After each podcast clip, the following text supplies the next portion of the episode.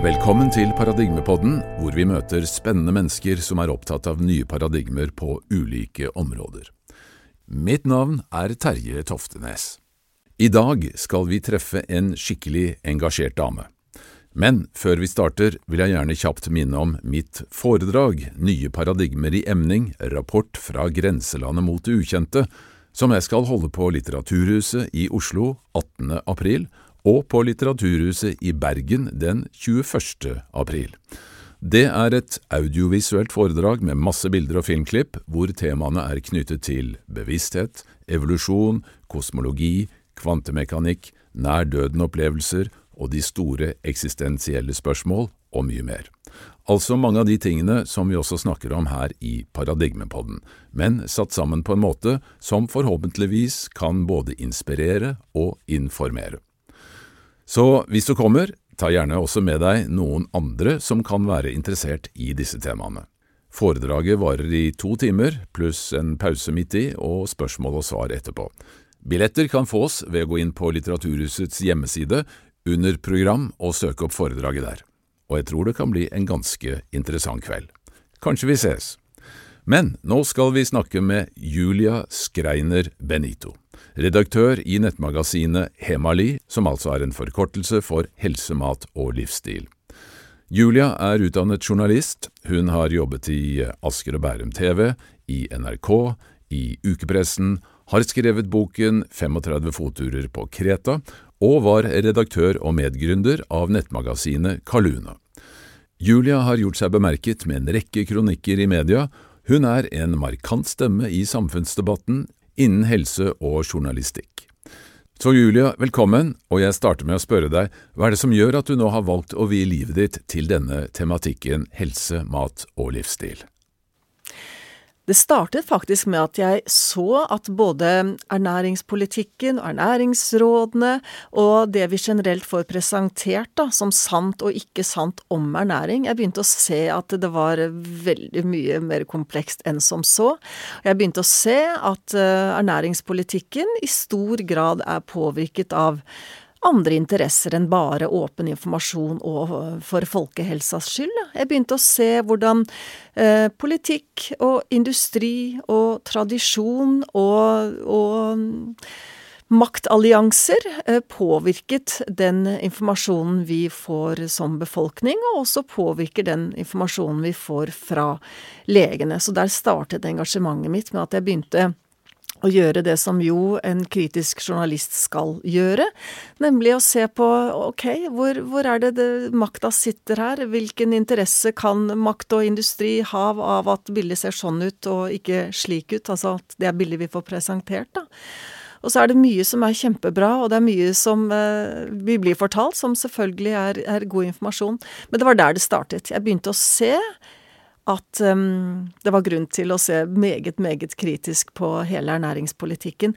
Og det er viktig å si, Terje, at vet du, er det en som har vært autoritetstro, er det en som hadde respekt for læreren, så var det meg. Jeg har alltid vært bombesikker på at våre medier er uavhengige, våre politikere er uavhengige, folkehelseopplysningen er helt uavhengig. Det syns jeg nå kan si meget sikkert at så enkelt er det ikke. Så det var, det var en eh, vond og lang eh, lærdom, men eh, jeg vil jo mye heller være desillusjonert enn å være naiv. Veldig bra. Og du har jo også tatt tak i denne, skal vi si, disse to frontene da, som, som vi kan på en måte se konturene av innenfor medisinen. Altså det etablerte offentlige helsevesenet, og på den andre siden altså denne komplementærmedisinen, eh, som både Uh, altså kan jobbe alene, og, men også da sammen med uh, skolemedisin. Og også da helt ytterst på skal vi si, den alternative medisinen. Sånn at den medisinen som ikke er regulert av det offentlige helsevesenet, eh, har jo veldig mange tilbud, og det er jo ekstremt mange dyktige mennesker her. Men problemet er jo, som du også påpeker, Eh, i Hemali at det er en slags barriere her som gjør at dette samarbeidet eh, er veldig stemoderlig. Hva mener du, altså hva slags tanker har du rundt dette her? Jeg fatter ikke hvorfor ikke vi kan tenke wow, la oss ta det beste fra begge verdener. Jeg fatter ikke hvorfor ikke den jevne fastlege, den jevne sykehuslege, er mer åpen og mer nysgjerrig på, at, nysgjerrig på at når mennesker gjør en erfaring som er god for dem, om det er en erfaring innenfor såkalt alternativ medisin, om det er livsstilsendringer på den ene eller andre måten, at ikke det er større åpenhet for og nysgjerrighet for at dette er erfaring som er kunnskap. Dette er noe vi kan bli klokere av. Dette er måter å bygge bro mellom såkalt skolemedisin og den alternative medisinen. Altså, én ting er øh, å ikke vite. Det Vi er jo ikke bedre enn en det vi vet. Men som sagt, den manglende åpenheten da, for at dette er kunnskap som finnes der ute, og dette er kunnskap som så mange mennesker eh, setter høyt, som verdsetter, som til dels takker sin helse for, at ikke det er kunnskap som i større grad blir anerkjent, og at vi i større grad kan få de studiene, da, for det er jo det evige motargumentet, ikke sant. Nei, det fins ikke randomiserte, dobbeltblindende, placebokontrollerte studier her. Nei, men det er jo naivt å tenke seg, da at studier som ikke gagner industrien, skal være studier som industrien ønsker å finansiere, og det skjønner jeg godt. Hadde jeg vært på topp i en eller annen Ja, vært i en industritopp, så hadde jo ikke jeg heller ønsket å uh, betale for en studie som ikke skulle gagne mitt produkt. Så igjen da må jo Da må vi kreve mer, da, av, av systemet. Da må vi kreve at systemet i større grad erkjenner dette som kunnskap, og erkjenner det som kunnskap som kan bli til gode råd og god praksis på det jevne eh, fastlegekontor. Og jeg syns jo i stedet for at vi ser at vi kan bygge bro, så syns jeg ser stadig mer av det omvendte.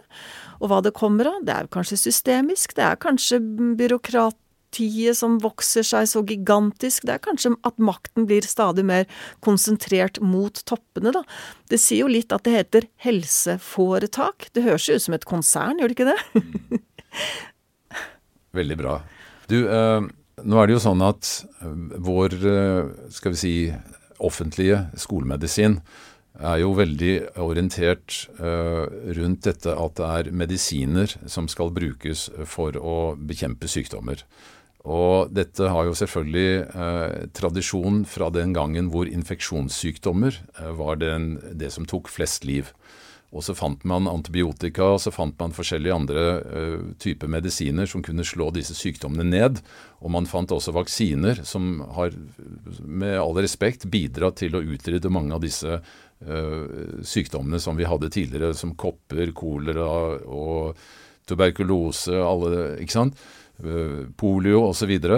Sånn at uh, medisiner har på en måte blitt skal vi si, gullstandarden da, innenfor uh, lege, uh, altså helsevesenet.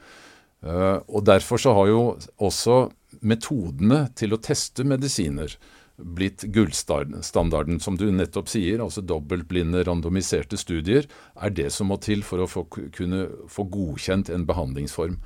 Men så er jo da eh, problemet, uh, igjen som du påpeker, at denne, det å overføre dette til denne skal vi si, mer årsaksrettede uh, behandlingen, som nettopp alternativ eller komplementærmedisin uh, står for, det er nesten umulig, fordi det er to helt forskjellige systemer. Altså, Skolemedisin er jo veldig symptomorientert. ikke sant? Den ønsker å slå ned og ta vekk symptomene. Eh, F.eks. innenfor kreft da, så har man jo spesialisert seg på enten å operere bort eller å drepe kreftceller. Men det gir jo ingen garanti, fordi du har ikke fjernet årsaken til at kreften oppsto i utgangspunktet. Men det, mens den alternative komplementærmedisinen er jo fokusert på å fjerne årsaken til at kreftcellen i utgangspunktet oppsto. Så her har vi jo en sånn systemisk eh, konflikt mellom to skal vi si, paradigmer da, i, eh, i forståelse av uh, skal vi si, hva er det som skaper sykdom, og hvordan vi skal behandle det. Så tror du noen gang at uh, ja, Nå har du jo for så vidt svart på deler av dette, men, men denne skal vi si, Disse motsetningene er jo så blitt så utrolig sterke. Hva skal til for å løse det opp, da?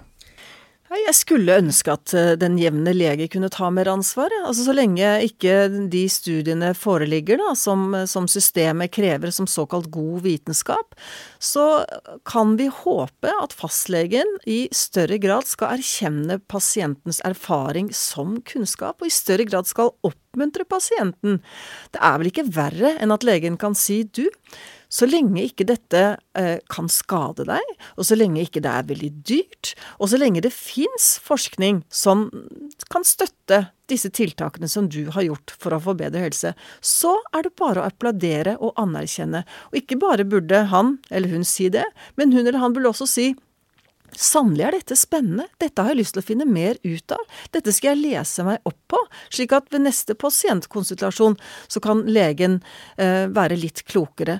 Og det derre voldsomme skillet, da, eh, vitenskap, noe så vakkert og dynamisk som vitenskap, som er bevegelig, som hele tiden skal utfordres, debatteres, for at den igjen skal endres i tråd med at bildet fylles ut uh, og blir mer komplett. At det med vitenskap nå skal brukes nærmest som sånn um, argument for at andre skal holde kjeft. Nei, det er ikke vitenskapelig. Nei, trust the science. Det er uvitenskapelig. Det er jo enda et tegn i tiden nå på at eh, det er, det er, feil mening å ha, og det er riktig mening å ha, og noen blir stemplet sånn uvitenskapelige. Og da igjen, altså må jeg bare spørre, hvor ble det av klokskapen fra erfaring, da? Og legen som, som, utøver av et yrke, vi vet jo at er det én egenskap som har vært viktig for legen, så er det nettopp det som bunner i erfaring. Det som bunner i kanskje eh, også det derre det mellommenneskelige. Eh, magefølelse, intuisjon, kjennskap til pasienten, det å lese pasienten på andre måter enn bare ut ifra ja, tall og retningslinjer osv.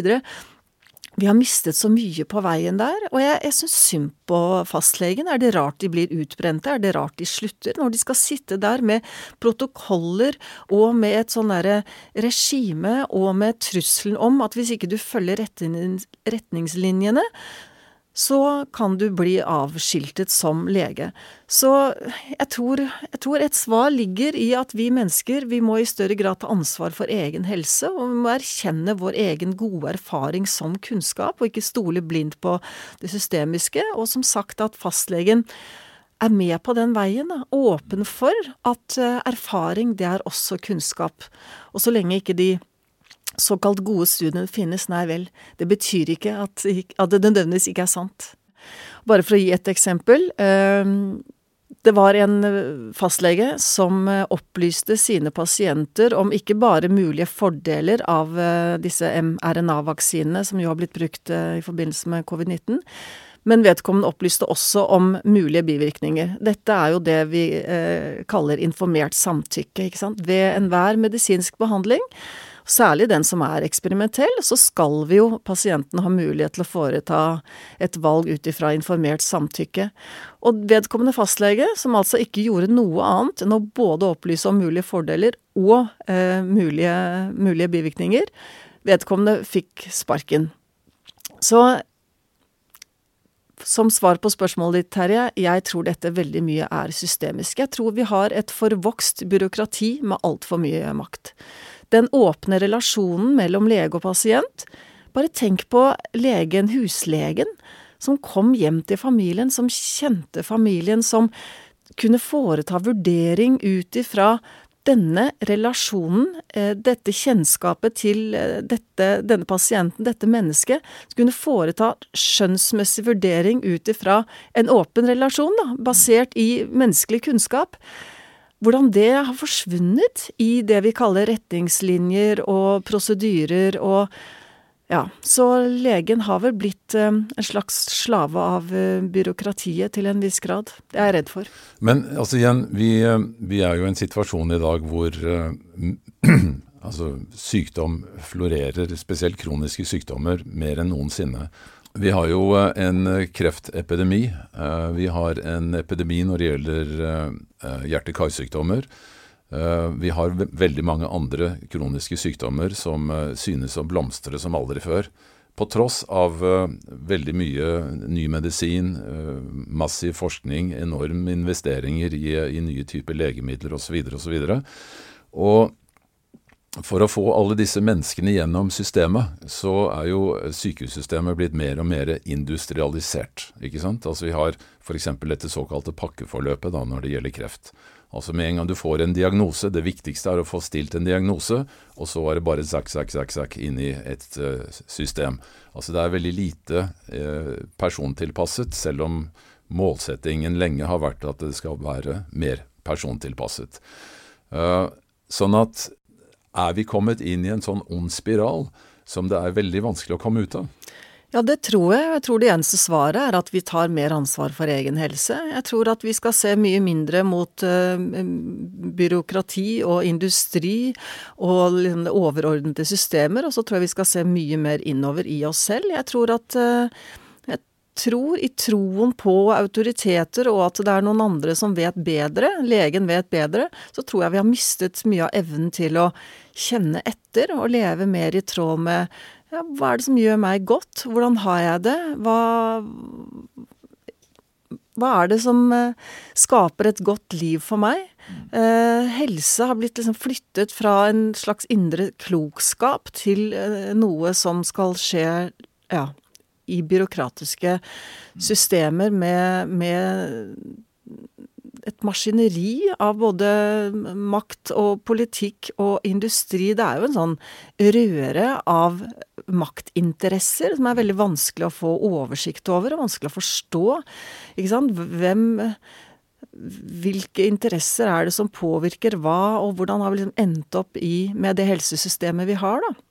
Og det artige Artige? Nei, det er ikke artig, det er egentlig bare tragisk. Det er jo at veldig mange går rundt og sier at uh, ja, men eh, det er jo så mange som overlever kreft, og vi lever jo så lenge. Det er jo klare tegn på at det er så bra. Og vi har jo liksom et av verdens beste helsesystemer. Ja, vi lever lenge, men hvor gode er de siste årene? Hvor mange mennesker kjenner jeg som er over 50, som ikke har en eller annen vondt, som ikke går på en eller annen medisin eller to eller tre? Og dette her bildet av at det er så mange som overlever kreft, ja, men da er det jo merkelig, da, at kreft nå har gått forbi hjerte-karsykdommer i å, å, være dødsårsak, i hvert fall i den vestlige verden. Det er akkurat som noe sånne Det er noen sånne Vi laller oss inn i noen Ja, det er jo jeg vil kalle det løgn, da. Jeg vil kalle det løgn at vi har så veldig god helse i Norge. Ja, vi lever lenge. Vi har så vi lever de siste årene av sitt liv som sånn, holdt på å si, pillevrak. Altså, nå, nå mistet jeg faren min for ikke så lenge siden. Han var en gammel mann, han ønsket egentlig bare å dø, for han syntes ikke at det livet de siste årene var, så, var noe veldig ålreit. Han var ganske hardt rammet av demens, og han hadde skrevet en såkalt framtidsfullmakt hvor det sto at han ville ikke ha livsforlengende medikamenter. Vi var jo helt sikre på at den framtidsfullmakten skulle sikre oss nettopp der, at han skulle få slippe å få livet liksom halt ut. Så han var på sykehjem, og vi, vi fikk rett og slett ikke um, sykehjemslegen til å gå med på at den derre blodfortynnende som han gikk på, det skulle han eh, få, få lov å slippe. Det er bare ett eksempel da, på hvordan liksom um, Forholdet til individet, muligheten og ønsket om å virkelig se individet. Hvem er denne personen? Hva slags liv er det denne personen ønsker, eller hva slags død er det denne personen ønsker? ikke sant? Det, igjen, jeg, jeg tror bare det er et eksempel på at det er systematisert, det er byråkratisert, det derre skjønnet, det menneskelige, legeskjønnet, lege-åpne relasjonen mellom lege og pasient, det har vi uh, i stor grad mistet. Men altså, nå er det jo også sånn da at uh, hvis sykehuset skulle gjøre en feil, så kan du saksøke sykehuset og få en millionerstatning hvis det viser seg at uh, sykehuset har gjort en feil. Uh, kan det være nærliggende å tro at det også medvirker til at sykehusets policy er at vi skal aldri gjøre noe som ikke vi har full ryggdekning for? Altså, det, du, det, som vi sitter og snakker om nå, er at egentlig at legene må gis en større frihet til å ta valg uh, ut fra hva de observerer der og da, i, i, litt større grad enn at de må holde seg til en såkalt konsensus. ikke sant? Uh, F.eks. hvis en lege opplever at en type medisin som egentlig er laget for å kurere en eller annen lidelse, plutselig har en virkning på et annet felt, så uh, er det da allikevel ikke lov til å bruke den medisinen på det feltet. Vi hadde jo f.eks. et uh, tilfelle for ikke så lenge siden med denne legen bort på Vestlandet som fant ut at han kunne stoppe blodforgiftning ved å gi pasienter høydose C-vitamin sammen med antibiotika på et uh, tidlig stadium i en uh, blodforgiftningsutvikling, altså en sepsis. Eivind Vinjevold er et godt eksempel. Ikke sant. Og uh, dette var jo bevist gjennom forsøk av en amerikansk lege som hadde drevet studier på det, som viser at dette hadde veldig god effekt, og det kunne redde veldig mange menneskeliv. Og Vinjevold gjorde jo dette med en del av sine pasienter og hadde fantastisk effekt. Folk som da lå for døden klokka åtte om kvelden, de satt og spiste frokost på senga neste dag og var, kunne skrives ut fordi at de hadde fått denne uh, skal vi si, livsviktige uh, C-vitaminbehandlingen. Allikevel så sa altså fylkeslegen da i Møre og Romsdal at dette skal vi ikke gjøre fordi det ikke er godkjent konsensus. Det er ikke godkjent praksis. Og uh, fordi hvis det da Sannsynligvis det de var redd for, da, var at hvis noen allikevel skulle dø, og de hadde behandlet de på en måte som var utenfor det godkjente, så ville vedkommende, vedkommendes familie da komme med de millionkrav i ettertid. Virker ikke dette veldig begrensende på, på utviklingen av hele medisinen, når man må ta sånne hensyn hele, hele veien? Sykehuset har trang nok økonomi som de har, om ikke de skal risikere å betale store erstatninger for leger som da ikke følger boka til punkt og prikke.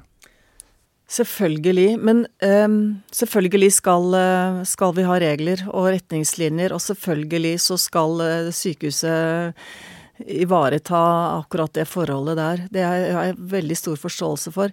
Men igjen, da, så må jeg tilbake til det med eh, erfaring og det med skjønn. Fordi nå husker jeg ikke hvor stor andel jeg, av liksom, utøvelsen av legeyrket som handler om ja, jeg vet ikke hvilket ord jeg skal bruke. Noen kaller det intuisjon, noen kaller det erfaring, noen kaller det magefølelse. Det er ikke så viktig hva vi kaller det. Men det vet vi, at en stor andel av det å være eh, å utøve yrke, legeyrket, det er nettopp eh, noe som bunner i en erfaring, da. Og at det ikke skal bli eh, tatt med da, i det store bildet som heter kunnskap, det forstår jeg ikke. Og jeg, jeg forstår ikke heller hvorfor en pasient som kan si med, med til kreftlegen, da, en pasient med kreft, kan si at det, uh, i tillegg til den uh, behandlingen jeg får hos dere, i tillegg til om det var cellegift eller strålebehandling eller hva vet jeg, så har jeg veldig god erfaring med også gjøre dette. At vedkommende da skal bli møtt med ikke åpenhet, og ikke en, en, faglig interesse.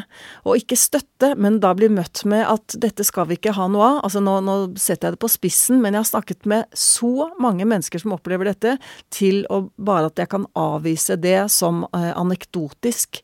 Dette er en gjenganger, dette er rød tråd. Om det er kreft, at noen sier jeg har, blir mye mindre kvalm av den cellegiften hvis jeg faster i forbindelse med cellegift. Eller om det er at man sier til fastlegen at de har veldig god erfaring med å redusere på karbohydratene. Så blir det dette er mitt generelle inntrykk etter veldig mange år som journalist, hvor jeg har snakket med veldig, veldig mange mennesker. Så er inntrykket at det blir avvist, det blir til dels latterliggjort, og det blir gjerne avvist med at nei, dette er det ikke noe studie på. Å ja, og da er det ikke sant, da, eller? Det, det, er her jeg mener at um, vi må være mer ydmyke, rett og slett. Hmm. Nei, altså jeg uh, opplevde jo selv, da jeg hadde denne uh, kreftopplevelsen min, uh, at jeg eh, spurte jo legen hva, hvorfor, hva skal jeg gjøre selv? Når jeg var på Radiumhospitalet og fikk beskjed om at jeg kunne bare gå hjem og leve som normalt. Og jeg sa at det kan jeg jo ikke gjøre, for det er jo det som har gjort meg syk, sannsynligvis. Måten jeg har levd på, med dårlig kost og mye stress. Men uh, han sa det, vi har ingen studier som kan vise til sånne sammenhenger, og derfor kan du bare gå hjem og leve som normalt. Og spis gjerne sjokoladepudding og iskrem, bare du får i deg nok kalorier. Men jeg sjekket jo da og viste at de studiene var jo aldri gjort. Men når du da ser nye studier som bekrefter at uh, sukker er som bensin på bålet på, på, kreftceller, så skulle man jo tro at det var mulig å få det altså implementert da, i en, den nye forståelsen. Men fremdeles så serveres det jo da uh, bamsemums og sjokoladepudding til nyopererte kreftpasienter fordi de har vært så flinke på sykehuset. Så spørsmålet er jo hvor lang tid må det ta? Altså Når vi har god dokumentert forskning som, som viser uh, Som på en måte utfordrer da de uh, regjerende systemene, hvor lang tid må det ta før dette kan implementeres? Uh, det virker jo av og til som det tar uforholdsmessig veldig lang tid. Altså, hva er det som, som bremser det, da, når forskningen ligger på bordet? Nei, det syns jeg er veldig vanskelig å svare på, Terje.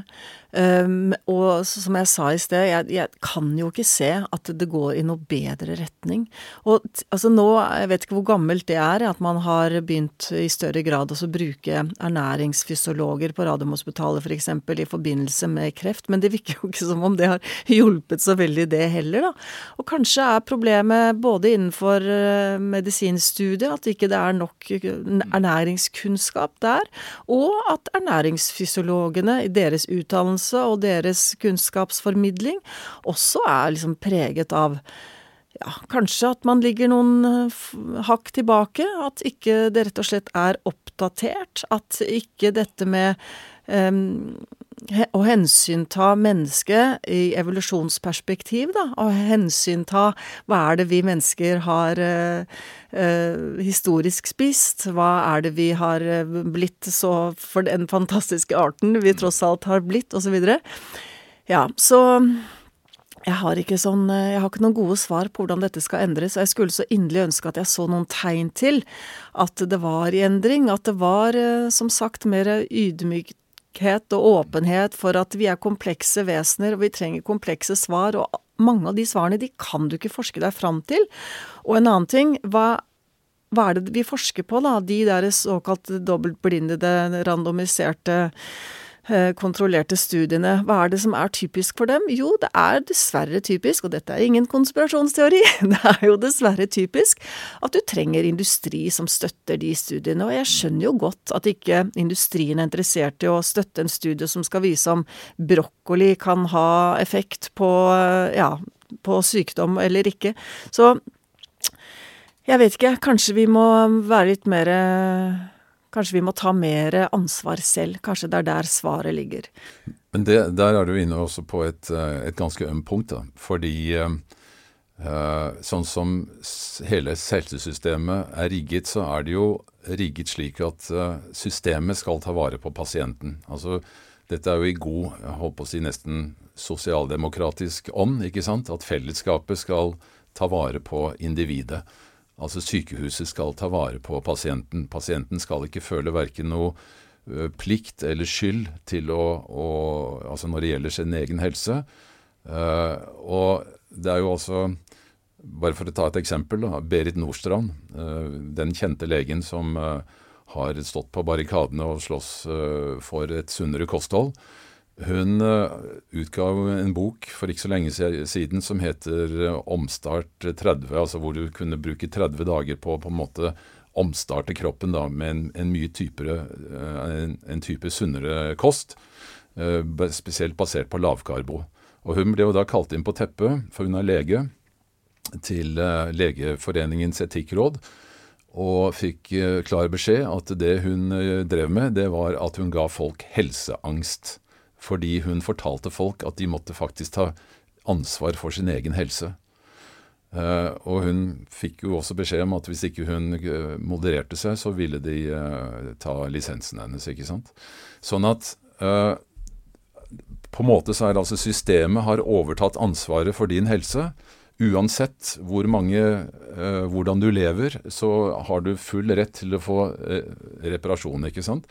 Altså Det er nesten som om hvis jeg kjører bil som en gærning og bulker og skader osv., så, videre, og så, videre, så skal jeg forvente at jeg skal få gratis verkstedbehandling uansett hvor idiot jeg oppfører meg. ikke sant?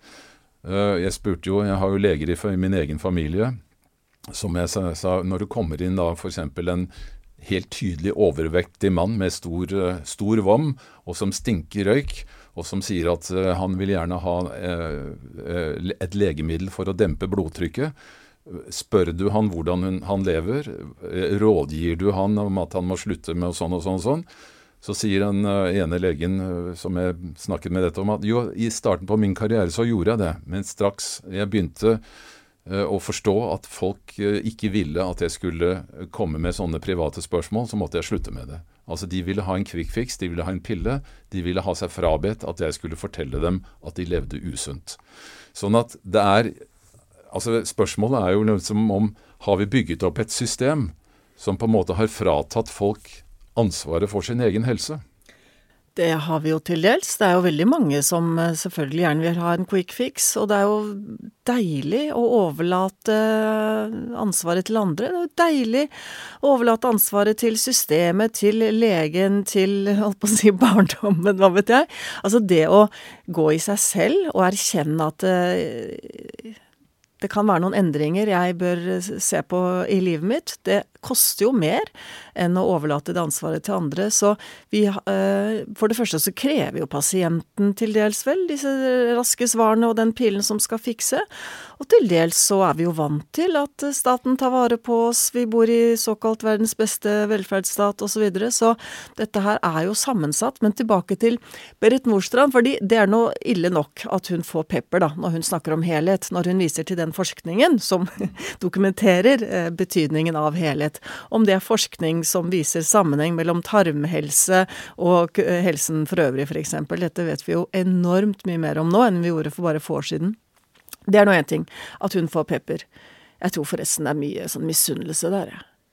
Det tror jeg faktisk. Jeg tror at så vi er, ikke, vi er ikke mer komplekse, vi mennesker, enn som så. At misunnelse kan gjøre utslag i f.eks. det at hun fikk en reprimande fra etisk råd, eh, fra legeetisk råd, eller hva det heter. Men i hvert fall, det er nå så. Vi vet også at den største årsaken til sensur, det er selvsensur. Og når jeg da intervjuer eh, topp idrettsfolk som er tilknyttet Olympiatoppen, han ene forteller meg at eh, jeg eh, løper best på tom mage. Altså dette, De måler jo alt mulig rart, ikke sant. Det var hans erfaring, da. Hvis han løp fastende om morgenen, det var da han virkelig følte at eh, løpingen gikk enda bedre enn om han hadde spist. Eller om jeg intervjuer eh, en annen eh, tilknyttet um, Olympiatoppen, en langrennsløper, som sier at jeg fikk fantastisk hjelp av Berit Nordstrand. Jeg kuttet ut sånn og sånn, jeg innførte de og de matvarene i stedet, jeg gjorde disse endringene. Når disse personene, disse to som sagt tilknyttet Olympiatoppen, sier til meg men Julia, det kan du ikke skrive. Jeg kan ikke si det, for da kan jeg miste støtten fra Olympiatoppen. Altså, da har vi jo havnet i et spor som er så smalt. Og er, jeg, jeg syns det, det, er skremmende, og dette Jeg syns jeg ser at det er overførbart til, til akademia, til uh, mediene. Altså, hvordan vi nå lever i en tid av at meningen din er blitt knyttet til god eller dårlig moral, at det er noe som er feil mening, og det er noe som er riktig mening, og sosiale medier og tech-gigantene selvfølgelig, hvordan de så enormt forsterker dette, hvordan det skaper ytterligere splid i befolkningen, ikke bare splid mellom eh, såkalt skolemedisin og alternativ medisin, men hvordan vi som mennesker som skal ta vare på hverandre og leve sammen i nestekjærlighet, som skal være åpne for at vi kan ha debatter osv. Hvordan, hvordan den kløften har blitt så dyp og så mørk, jeg, jeg syns det er skikkelig stusslig. Eh, og jeg håper inderlig at uh, dette snart kan snu, og det er mange som sier ja, det må bli verre før det blir bedre. Det er mulig det, men da kan jeg undres over ja, hvor, hvor vondt skal det bli, da? Hvor uh, moralske skal vi oppføre oss overfor hverandre fordi man ja, har en type feil mening, eller og som sagt, hvordan det kan se ut uh, med sosiale medier på laget, da. Hvordan det kan se ut i kommentarfeltene. Hvor mye slemt som skrives, hvor, hvor nedrig og hvor, hvor stakkarslig så mye av det der er. Og så kan du si ja, ja, det er tydeligvis flere troll der, da, enn det vi kanskje visste før tiden av sosiale medier. Men jeg, jeg må si dette har forundret meg. Jeg trodde vi mennesker var snillere med hverandre. Jeg trodde ikke det bodde så mye så mye sinne og så mye hat og så mye ønske om å plassere hverandre i bås og stemple, og som sagt dette med feil og riktige meninger å ha, da. Det har overrasket meg. Altså, dette med sosiale medier generelt er jo eh, et uh, utrolig fenomen. Altså jeg tror uh, vi, Når historien skal skrives om uh, 500 år, eller om 100 år, hva var, det, hva var de største paradigmeskiftene i skal vi si, den vestlige sivilisasjonen, eller for så vidt ikke bare vestlige, men hele verden, Eh, så, vi, så, tror jeg også at dette med sosiale medier er kanskje det største skiftet vi har hatt. Altså at alle egentlig kan publisere sine egne tanker og meninger til hele verden hele tiden.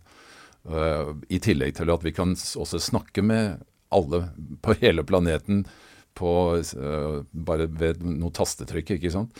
Sånn at hele denne Altså før så, så var jo skal vi si, mediene på en måte en representant for uh, myndigheter og den offisielle. Altså Vi hadde én kanal på NRK, ikke sant. Og det som kom på Dagsrevyen, det var uh, skapt av uh, skal vi si, velmenende mennesker som skulle opplyse folket om ting.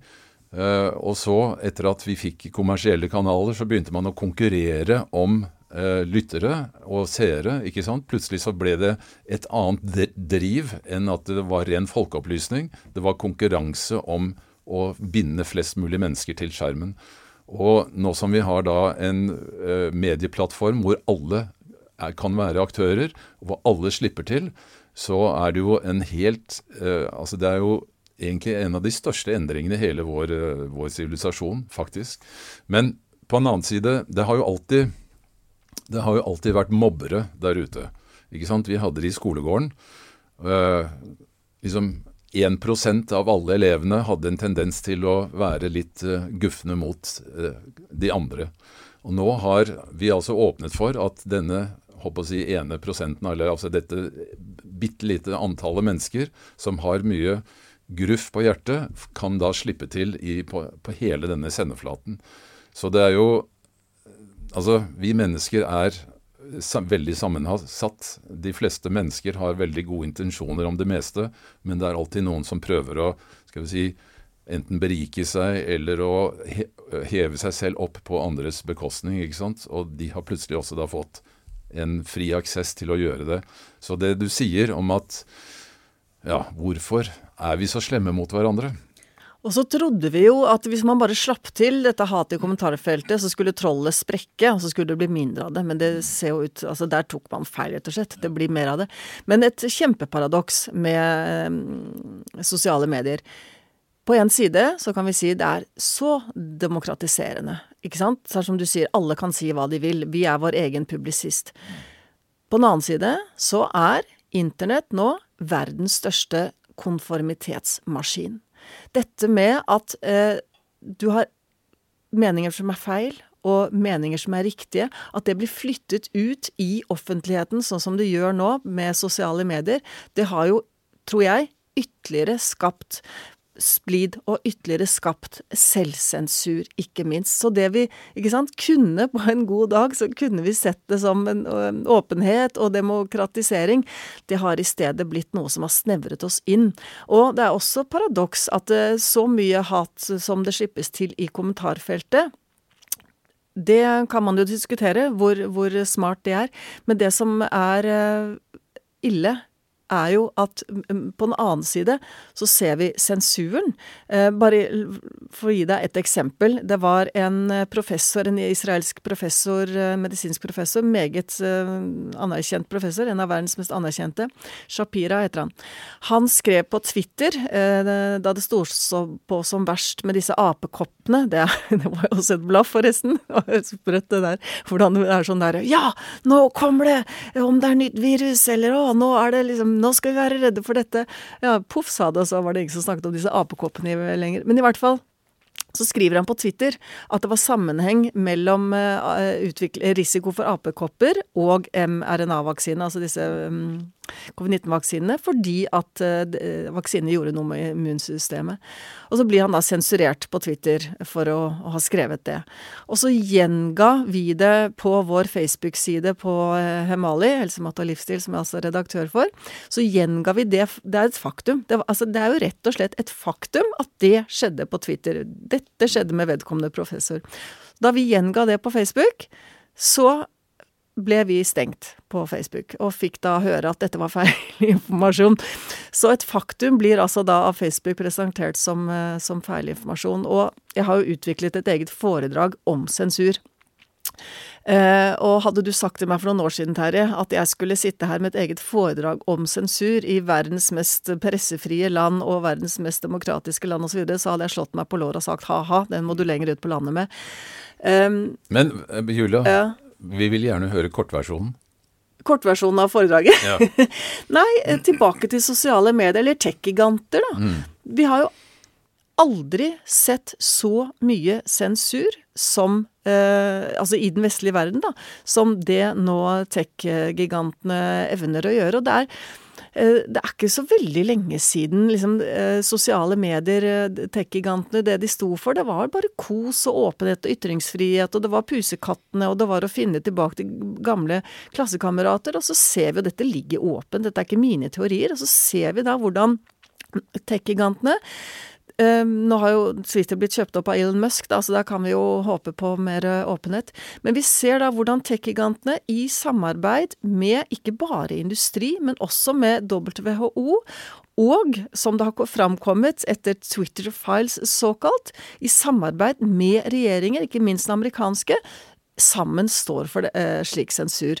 Og det handler igjen om liksom det er noe innenfor medisin som skal være sant og usant. Det er noen såkalte tidligere vel anerkjente fagpersoner som sier noe som er, er feil, ifølge typisk definert av WHO, eh, som da skal bli omskrevet til å være sjarlataner, til å diskvalifiseres, diskrediteres og um, sensureres. Så det er, det er rare tider, eh, syns jeg. Det er virkelig, virkelig rare tider, hvor vi på den ene siden har så fantastiske muligheter, dette fantastiske helsevesenet, utallige ressurser, og på den annen side hvor mye som bare har snevret seg inn. Det går på, sant, på individplan, på byråkratiplan, på relasjon mellom lege og pasient, og som sagt på dette med åpenhet, ytringsfrihet, medier ikke minst. Det er også, apropos medier, eh, nå har det jo der har vi jo fått enda et skille, da. Såkalt alternative medier og såkalt hovedstrømsmedier. Det er verdt å merke seg at da dette med Twitter files, jeg vet ikke om du kjenner til det, men kort fortalt så ble det jo nærmest en sånn etterforskning i forbindelse med at Elon Musk kjøpte Twitter, og det han sa at han ville, det var jo å, å skape mer åpenhet og ytringsfrihet. Og så gikk man da ordentlig sånn etterforskende til verks for å se hva er det egentlig som har skjedd i Twitter, og så ser man da, dette er dokumentert, utallige eksempler på sensur, på hvordan eh, FBI AI f.eks. Skattepengene har blitt brukt til å sensurere meninger av mennesker som, som eh, skal sensureres, og ikke nødvendigvis fordi de tar feil, men fordi at det er ikke liksom, den gjengse konsensusmening å ha. Var det noen av våre hovedstrømsmedier som rapporterte om dette? Jeg så ikke noe særlig av det. Og hva er det de forklarer det med, når de da Subjekt, det nettstedet, nett, kulturnettmagasinet Subjekt, de spurte, eh, intervjuet disse redaktørene, og spurte dem, eh, som jo man kritisk skal gjøre som journalist, hvorfor i all verden har dere ikke eh, skrevet mer om Ja, noen hadde vel en liten, liten notis om det, kanskje, men hvorfor har dere ikke skrevet om Twitter Files? Nei, det var liksom svarene lød typ sånn, nei er veldig ressurskrevende, han er, han er så snål, han derre Musk blitt, og han er jo en, han er litt skurkeaktig. Altså dette er da eh, argumentasjonen da for å ikke i større grad omtale Twitter files. Og eh, jeg tror, eh, jeg tror, ikke det er tilfeldig at våre riksmedier ikke omtalte dette, fordi det nettopp faller til dels tilbake på dem selv. At eh, store mediegiganter, sammen med storindustri, sammen med tech-gigantene, og både FN og WHO og WEF, World Economic Forum, står nå for en undertrykkelse av, eh, av stemmer. Altså, nå har det jo alltid vært sånn uh, i vår menneskekultur at uh, den som forteller den uh, beste historien, har på en måte et slags effektivt verktøy i sin hånd. Altså Sånn har det alltid vært. at altså Den som kontrollerer narrativet, den som kontrollerer informasjonsstrømmen, den kontrollerer også massene på en måte, ikke sant. Um, og tidligere så, så, var det jo på mange måter lettere å gjøre dette, fordi uh, det var ofte veldig mangel på informasjon. Altså hvordan kunne Hitler klare å håper å si, omstrukturere et helt stort rike som Tyskland til å være med på å, sette i gang en sånn operasjon som ble til en verdenskrig. ikke sant? Eh, så håpet var jo, når vi fikk eh, sosiale medier, at eh, denne åpenheten som du nå etterlyser, skulle gjøre at det ikke var mulig å skal vi si, lure massene lenger og komme med altså sånne konstruerte, falske narrativer. Så det er jo egentlig et paradoks da, at det har blitt sånn, ak akkurat som du forteller, at tech-gigantene, altså de som sitter og eier mediene, som sitter og, og kontrollerer uh, selve uh, skal vi si, det tekniske ver verktøyet også da har påtatt seg nesten en slags redaksjonell rolle. Uh, så, men hvordan altså, Finnes det noen vei ut av dette? Altså, vi mennesker, vi vil jo vi vil jo ha frihet til å både være oss selv, til å ytre oss, til å kunne leve uh, uten å bli uh, fortalt hva vi skal gjøre. Altså, hvordan kan vi komme oss videre? Hvordan kan vi komme oss bort fra denne situasjonen? Jeg tror dette må komme fra, fra folket. Jeg tror eh, mennesker selv må, må, finne veier ut av dette ved om det er å, å oppsøke alternative medier og fylle ut liksom, informasjonsbildet ved å ikke bare kanskje lese og forholde seg til de mediene vi har pleid å gjøre. Jeg tror det er ett svar. Å se at her er det fagstemmer, her er det analyser, her er det refleksjoner som ikke slipper til i hovedstrømsmediene. Jeg tror det er ett svar, akkurat som jeg tror det er ett svar hvis du sliter med helsa, og ikke kanskje bare gå til skolemedisinen, men også se på mer såkalt komplementærmedisin, da, se på helhetsmedisin. Eh, jeg tror at, eh, som vi har sett av historien, at de store endringene de må komme fra folket. Jeg tror ikke at byråkratiet, jeg tror ikke at det systemiske skal, skal ta fatt i i dette. Hvorfor i all verden skulle det det? Altså, når det, når det ligger så mye makt der, hvorfor i all verden skulle man ønske å, å rikke ved den makten? Så jeg håper at, jeg håper at stadig flere mennesker uh, som sagt fyller ut uh, bildet, uh, ser at uh, verden ofte er mye mer nyansert. Både helsa og, og såkalte sannheter er ofte mye mer ja, nyansert enn det vi kan få inntrykk av i en sånn hektisk hverdag hvor vi bare forholder oss til bare skolemedisinen og bare, bare riksmediene. Men det, det betinger jo at man da håper å si, følger med, at man sørger for at man er opplyst. ikke sant? Det var jo det vi trodde ville være den store forsen med sosiale medier. at altså, Måten å bringe verden fremover på er at folk blir mer og mer opplyst. ikke sant? All den uretten som skjer i verden, skjer ofte på steder hvor folk ikke har uh, skal vi si, opplysning om at det finnes en annen verden. Uh, vi ser jo nå disse store opprørene som kommer altså, uh, når det gjelder kvinner. Da. Nå hadde vi jo nettopp kvinnedagen her. Eh, hvordan eh, altså, eh, kvinner i f.eks. Iran, som er et veldig lukket og veldig strengt styrt samfunn, hvordan de protesterer mot altså kvinneundertrykkelsen og måten som dette moralpolitiet da skal fortelle folk hvordan de skal ikke bare oppføre seg, men også kle seg. Motstanden er der, sånn at vi trodde jo da at sosiale medier ville bidra til at uh, det ble mye lettere å kunne uh, skal vi si, vise urettferdighetens sanne ansikt i det øyeblikket det skjer, og at det ville kunne føre til endringer i en positiv retning. Altså, det skulle være mye vanskeligere for en autokrat å forføre en hel befolkning med et uh, konstruert narrativ hvis alle kan lese skal vi si, uh, andre sannheter på nettet. Da. Så det er jo egentlig uh, både betenkelig og rart og trist at det har utviklet seg i motsatt retning, som du sier. Men for å komme litt altså Helt til slutt, Julia. Du har jo gjennom Hemali prøvd å få frem et litt annet syn og et litt mer skal vi si, nyansert bilde når det gjelder hele denne skal vi si, vaksinedebatten, som nå både har rullet mens pandemien pågikk, men nå etter pandemien, hvor Eh, skal vi si, etterpåklokskapen begynner å, å komme opp på bordet. Kan du fortelle litt om hele den prosessen og, og, hva du har lært underveis? Noe av det viktigste av det jeg har lært, det er jo at de menneskene som nå har forferdelige bivirkninger av disse vaksinene, de eh, slipper ikke til. Eh, våre riksmedier er i veldig liten grad villige til å, å, slippe til disse menneskene. Litt bedre nå, men det har tatt lang, lang tid. Og igjen, eh, jeg snakker med dem. Jeg treffer dem. Jeg ser hvordan de lider. Og jeg hører hvordan de forteller at når de kommer på sykehuset, om de, eller om de kommer til fastlegen og antyder at kan dette ha en sammenheng, tro, disse plagene da, som jeg aldri har hatt før, og som oppsto plutselig etter at jeg ble vaksinert med dose én eller to eller tre eller hva det var, kan det tenkes at det er en sammenheng her hvordan de blir avvist. Um, det er det ene jeg ser, som jeg syns er, er, forferdelig. Altså når vi gjør noe i tillit Vi ble fortalt at både at vaksinene skulle få oss ut av, av elendigheten, og at de var trygge og effektive. Og når man da veldig forståelig gjør noe i tillit til at det stemmer, hvorfor i all verden skulle vi tvile på det?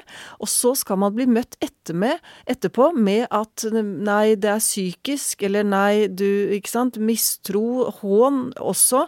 Altså, tenk det, Terje, at jeg snakker med mennesker som sier Én ting er at ikke jeg orker å ta det opp med fastlegen mer, for de vil ikke se på en mulig sammenheng her, men en annen ting er at jeg kan ikke engang snakke med venner om det. Hadde jeg hatt kreft, så hadde jeg fått all verdens medfølelse. Jeg hadde fått hjerter, jeg hadde fått uh, SMS-er, jeg hadde fått uh, blomster på døra. Men når jeg sier at jeg tror at dette er bivirkninger av vaksinen, så blir jeg møtt med så mye, så mye vondt at jeg velger å ikke snakke om det. Tenk på det! Og dette, når vi ikke snakker om det, da syns det jo ikke, da. Det er som med sensur. Du kan ikke se sensur. Nei, hvordan skal du vite at sensur finnes da? Og som sagt, når disse menneskene ikke slipper til, når ikke de får lov til å snakke om sin erfaring, hvordan skal vi vite at de er der da? Og vi hadde jo Jeg har vært så opptatt av dette. Jeg, altså, å, jeg blir bare så uendelig lei meg ved tanke på hvordan disse menneskene har det. Mange av dem sier 'jeg vet ikke om jeg noen gang får livet mitt tilbake'. De er 30 år, de er 40 år, de er 50 år, og lurer på om de skal få livet sitt tilbake. Og så opptatt var jeg av dette at vi laget en liten film hvor vi intervjuer en seks-syv mennesker, nordmenn, som, som snakker om sine erfaringer etter denne mRNA-vaksinen. De sier at det nødvendigvis har en kobling. De kommer ikke med en eneste medisinsk påstand, det var vi veldig opptatt av i denne lille filmen. Det eneste de sier er etter stikk én eller to eller tre, så har jeg opplevd dette, og nå er livet mitt sånn, og jeg håper å få det gamle livet mitt tilbake.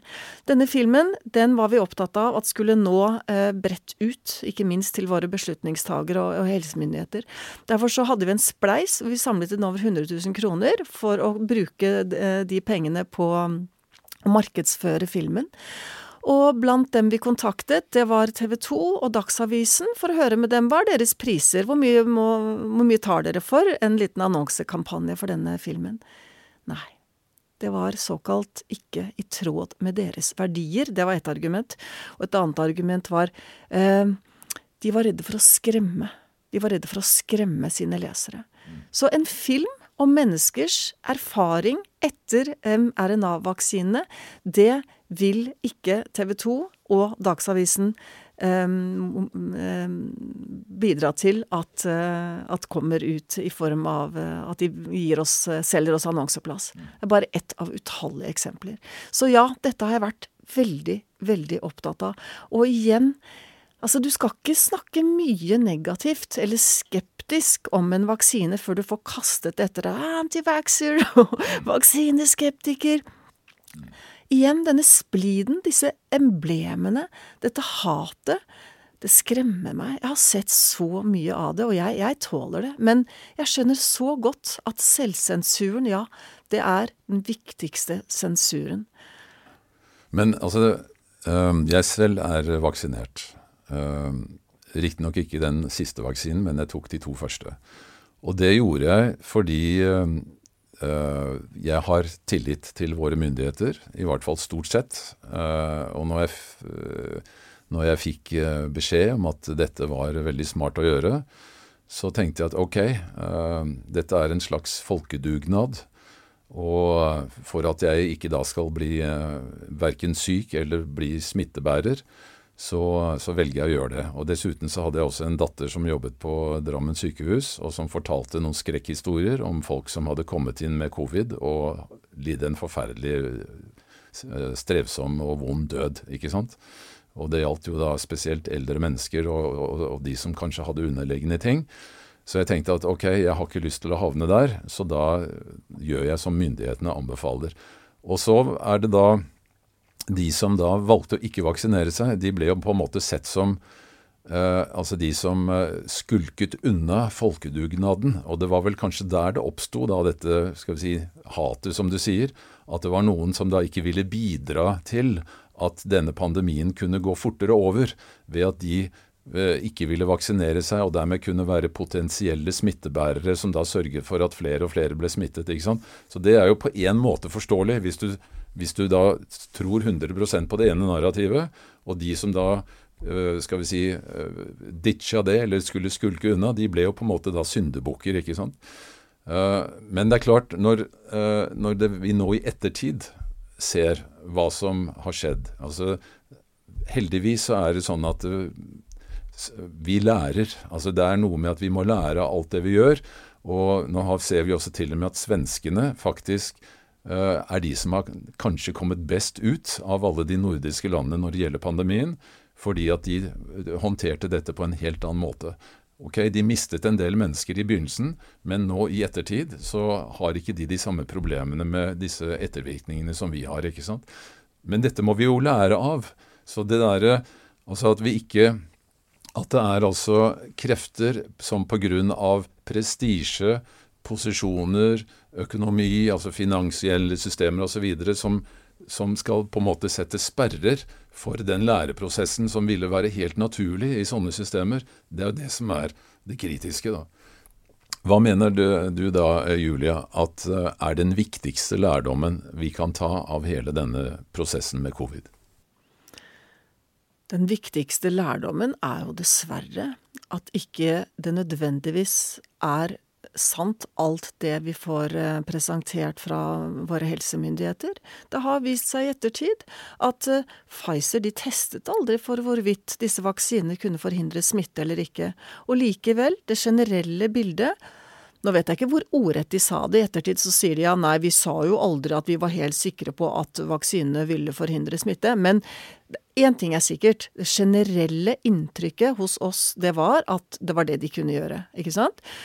Og da har vi jo erfart nå da, at de visste, våre helsemyndigheter visste, at Pfizer aldri testet for hvorvidt disse vaksinene kunne forhindre smitte eller ikke. Og likevel så ga de oss det bildet. Så dessverre, en konklusjon vi må dra, det er at vi skal eh, vise større skepsis til det som blir oss fortalt, om det er til og med fra våre helsemyndigheter og fra våre politikere, og ikke minst fra media det er en kjerne i journalistikken at der hvor makt er konsentrert, der skal vi være særlig kritiske.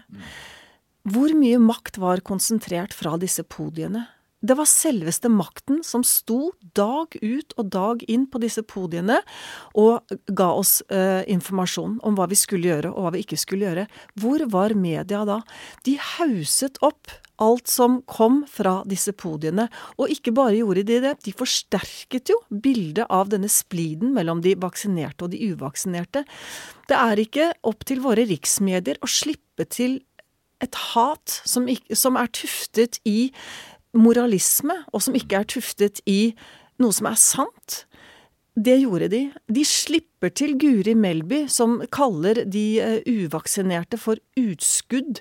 De slipper til igjen og igjen og igjen, eh, den gang statsminister Erna Solberg, som sier at dette er en borgerplikt uten å stille de kritiske spørsmålene.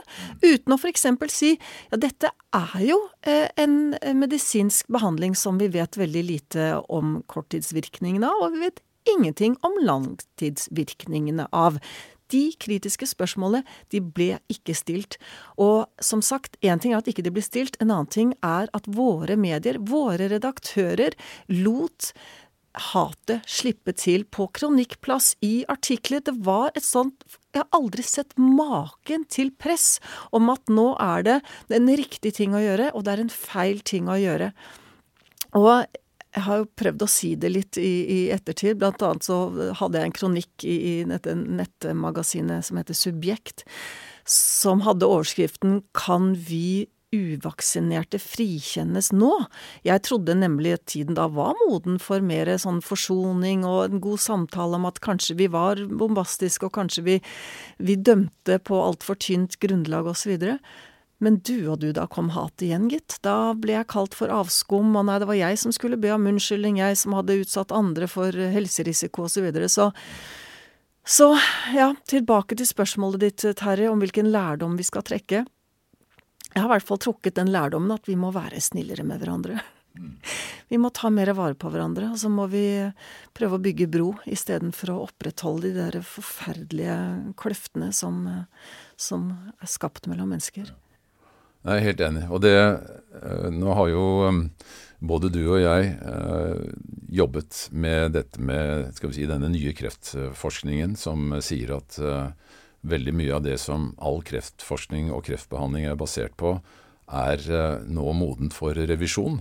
Det er kommet ny forskning som viser at det er eh, faktisk eh, ganske mange andre mekanismer som er årsaken, de bakenforliggende årsakene til kreft, istedenfor si, denne standardforklaringen som vi som regel får, at det er ren uflaks pga. tilfeldigheter i, i celledeling og osv.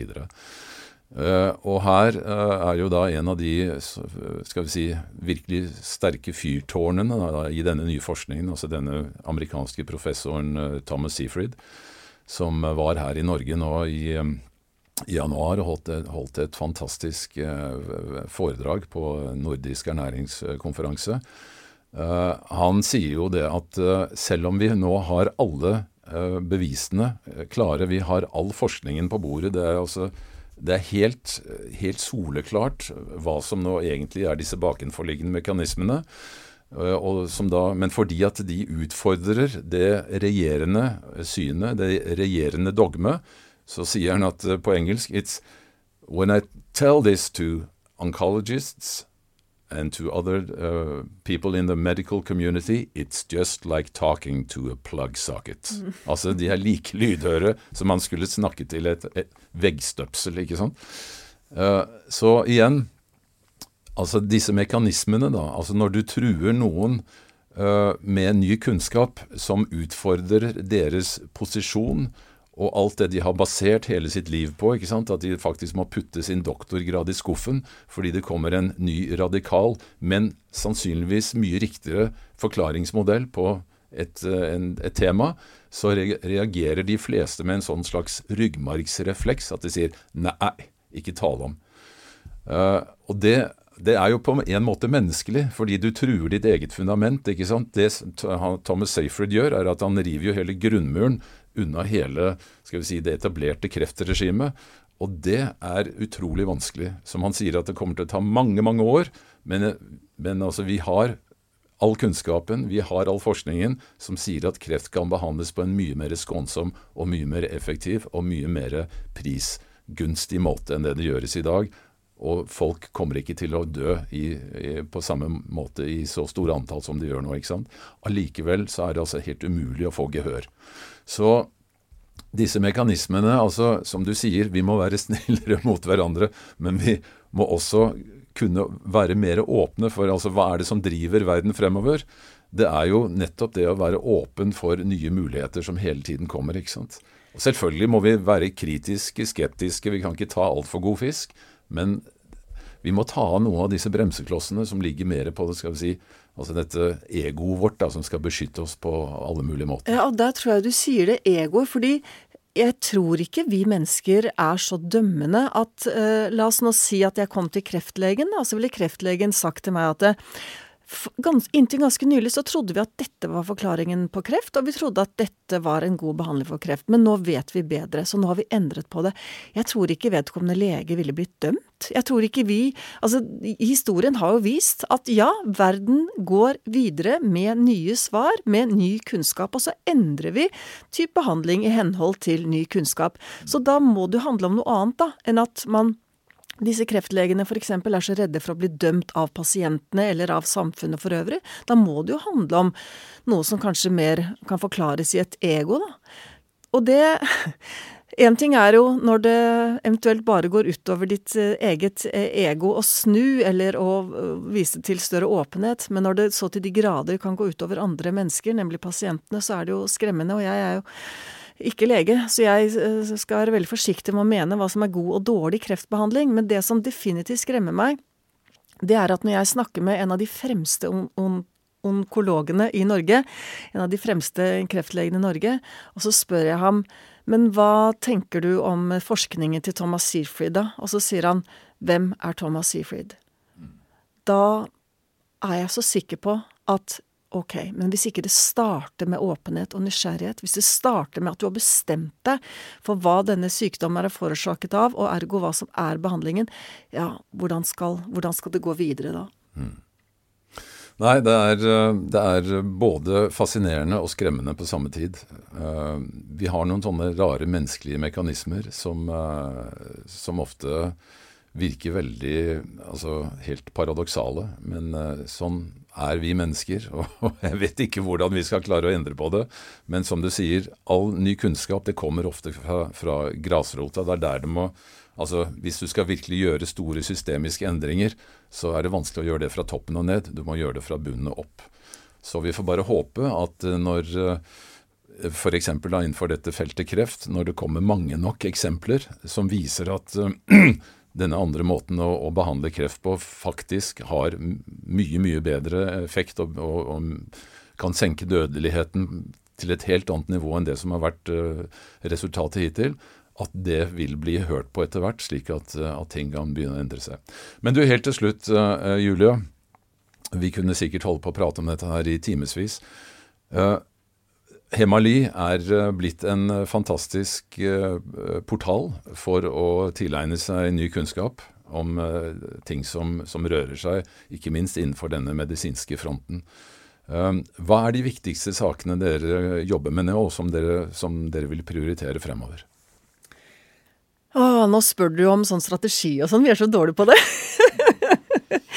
Eh, velsignelse å jobbe fra jeg vet ikke, et hjerte og ikke ut ifra overordnet strategi og tall og Nei, altså det er jo Det er nok av temaer, Terje. I går intervjuet jeg um, en kar som eh, hadde angst, og som gikk til legen og sa at jeg har angst. Og så fikk han jo da selvfølgelig et antidepressiva, og så fikk han jo bivirkninger av dette medikamentet. Da, så da fikk han en, enda en diagnose, og så diagnosene ballet på seg, og bivirkningene ballet på seg. Og da han etter ganske mange år prøvde, og så livet var virkelig, virkelig et helvete for ham, og så han da prøvde å trappe ned så forsto han at det fins ikke kunnskap i Norge. Det fins ikke et spesialisert felt i Norge som rett og slett uh, handler om hvordan kan du trappe ned på medisiner. Så akkurat når du spør meg tilfeldigvis, mm.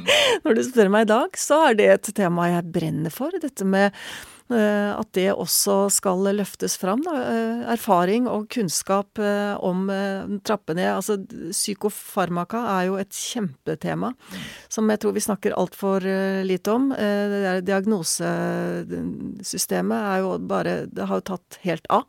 Denne Jørgen som han heter, han skal for øvrig snakke om dette sammen med en eh, dansk professor som nettopp kan dette med nedtrapping. Han måtte til Danmark for å finne en eh, spesialist på feltet. Han skal snakke om det på Litteraturhuset 5. april. Så Jørgen eh, heter han, og han har et artistnavn også, Dex Carrington. Jeg, han, jeg, jeg, jeg, kjente jo ikke til han, det er jo litt flaut å innrømme det, kanskje er mulig. Han er kjempekjent. Han er komiker, vært, vært med en del TV-programmer osv. Men i hvert fall, eh, dette er et eksempel på temaer som jeg brenner for personlig, og som vi brenner brenner for i Hemali. Både å vise til det fantastiske potensialet i livsstil for helse, og å vise til at uh, hvis den medisinposen blir litt for stor og litt for tung, så, så, kanskje det finnes bedre veier å gå. Fordi å vite hva er, hva er, bivirkninger, hva er effekt, og hva er bieffekt, hva er virkning og hva er bivirkning, det er jo eh, utvilsomt vanskelig når den der, som sagt, den medisinposen blir veldig, veldig stor. Det var rett og slett eh, Det var sterkt å høre hans historie. Eh, mange, mange år med forferdelige bivirkninger, og som sagt med at nedtrappingen som han forsøkte på, spontant og ut ifra seg selv uten kunnskap, ble så grusom at han gikk rett tilbake til disse medikamentene. Og, og igjen, det, dette er et fagfelt som vi kan altfor lite om eh, i Norge. Ja, det er et av mange, helt sikkert. Og det eh, Altså sånn Helse er jo et veldig hett tema. Det ser vi jo bare i våre tabloidaviser. ikke sant? Altså Dagbladet VG har jo nesten helse på forsiden hver eneste dag i en eller annen form. Og kreft også veldig mye eksponert i mediene. Så det er jo helt opplagt at uh, sånn som situasjonen er, uh, spesielt når det gjelder kroniske sykdommer, så er dette noe som uh, opptar de aller fleste mennesker, fordi de berøres av det enten direkte eller indirekte. Så jeg tror ikke helse, skal vi si, fokus kommer til å bli noe mindre fremover. Men derfor så er det så utrolig viktig at vi også da har kritiske stemmer som din og dine medarbeideres eh, stemmer. Eh, så jeg er veldig veldig glad for, eh, Julie, at du er skrudd sammen på den måten at du tør ta denne fighten. Og jeg ønsker deg all lykke til videre med prosjektene deres og sakene deres og denne plattformen.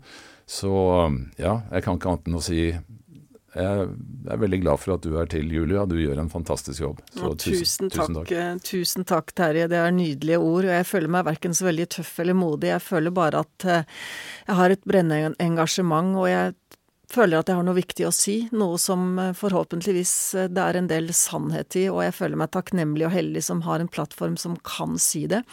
Og helt overordnet, og helt avslutningsvis, så tror jeg eh, en setning å ta med seg videre, det er at eh, hvis livsstil kan gjøre oss syk, så kan også livsstil gjøre oss frisk.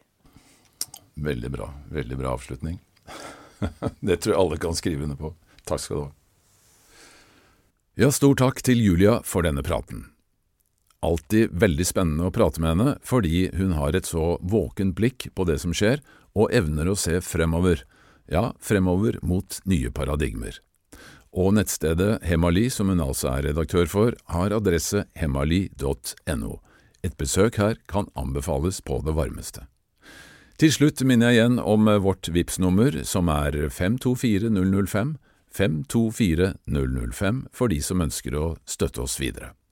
Vi har mange nye spennende navn på blokka, med folk som evner å se både videre, dypere og lengre. Så jeg bare sier på gjenhør i neste episode av Paradigmepodden.